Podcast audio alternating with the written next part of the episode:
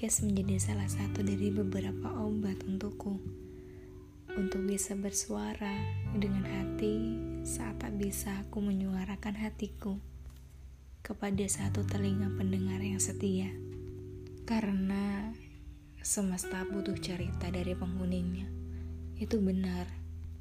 Mereka yang tidak bisa menemukan tempat paling nyaman untuk bercerita. Kembali lagi dengan aku di cerita perjalanan hidupku kali ini. Maaf jika memang caraku menyampaikan ceritaku tidak semenarik mereka. Tapi aku tidak akan lelah untuk bercerita. Meski sebenarnya yang aku harapkan cerita ini bisa terdengar langsung oleh orang-orang yang mengaku dia menyayangiku. Terima kasih sudah tidak dengan sengaja mendengarkan suaraku, memahami ceritaku dengan nada yang penuh dengan kelelahan. Maaf jika suaraku tidak begitu enak untuk didengar tak memaksa siapa pun untuk mau mendengarkan suaraku yang cempreng ini.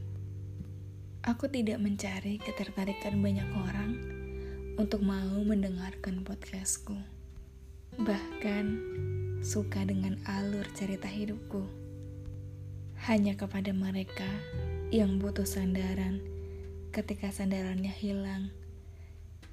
Hanya kepada mereka yang butuh motivasi untuk bangkit dan hampir hilang kendali.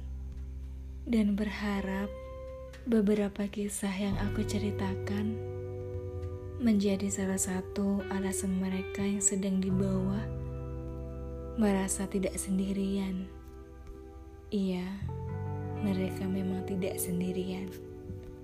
Bangkit dari luka yang dibentuk oleh seseorang yang sama sekali tidak peduli dengan kondisi mental kita adalah suatu penyakit yang menyiksa diri kita sendiri secara terus-menerus. Sudah tidak lagi berharap dia bisa datang menemuiku, memberikan perhatian, penjelasan, bahkan cinta. Ternyata yang kita butuhkan hanya ruang untuk kita sadar. Sadar akan kebahagiaan diri sendiri sadar bahwa orang yang mencintai kita dengan tulus tak akan dengan sengaja menghancurkan kita, apalagi yang sudah merusak kesehatan mental kita. Memang diri ini hanya butuh ruang, bukan butuh kehadiran. Sudah tak bisa lagi aku mengucapkan kata yang bisa mewakili semua rasa kecewa karena pada kenyataannya, aku hanya butuh ruang untuk mengembalikan semua yang sempat hilang dari dalam diriku. Membuang semua energi negatif yang pernah kamu berikan kepadaku. Meski aku mempercayai bahwa kamu adalah takdirku, tapi tidak menutup kemungkinan bahwa kamu adalah sumber di mana aku merasa kelelahan akan hidup ini. Bukan aku tidak bersyukur, tapi beberapa kali perilakumu membuatku membenarkan bahwa kita memang tidak bisa berharap kepada siapa pun kecuali Tuhan. Kita tidak bisa berharap kepada manusia karena harapan itu akan menjadi salah satu titik di mana dimulainya rasa sakit.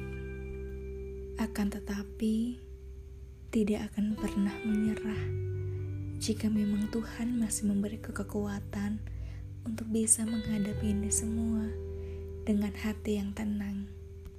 Dan aku percaya, siapa pun yang berusaha untuk menjadi orang yang lebih baik untuk dirinya bahkan pasangannya. Tuhan akan menggerakkan hati orang-orang yang sudah menyakitinya. Dengan adanya dua pilihan, bertahan atau melepaskan.